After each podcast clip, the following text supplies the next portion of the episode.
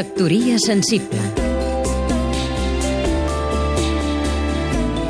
Jordi Llobet, professor i crític literari.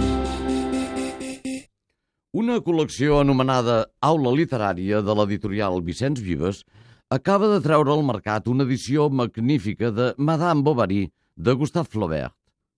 La traducció és de Lluís Maria Tudó, excel·lent, publicada ja fa anys i ara recuperada en aquesta col·lecció. L'edició porta una excel·lent introducció de Teresa Berjau, notes de Joaquim Parellada i una guia d'activitats a l'entorn del llibre a càrrec dels dos últims esmentats. A més a més, i no és cap bagatela, l'edició porta una gran quantitat d'il·lustracions.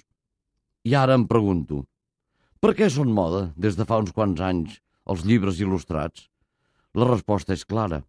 Cada cop costa més que es venguin llibres i convé fer-los passadors amb les estratègies o les argúcies que calgui si es vol conservar el públic escàs que té avui dia la lectura.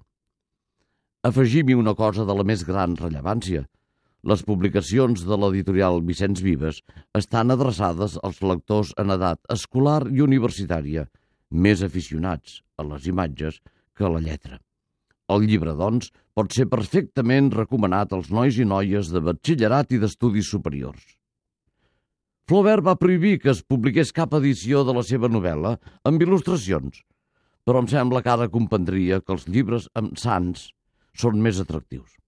La qüestió és aconseguir que llegeixi tothom, infants, joves i adults, fins als 100 anys, si hom hi arriba. Factoria sensible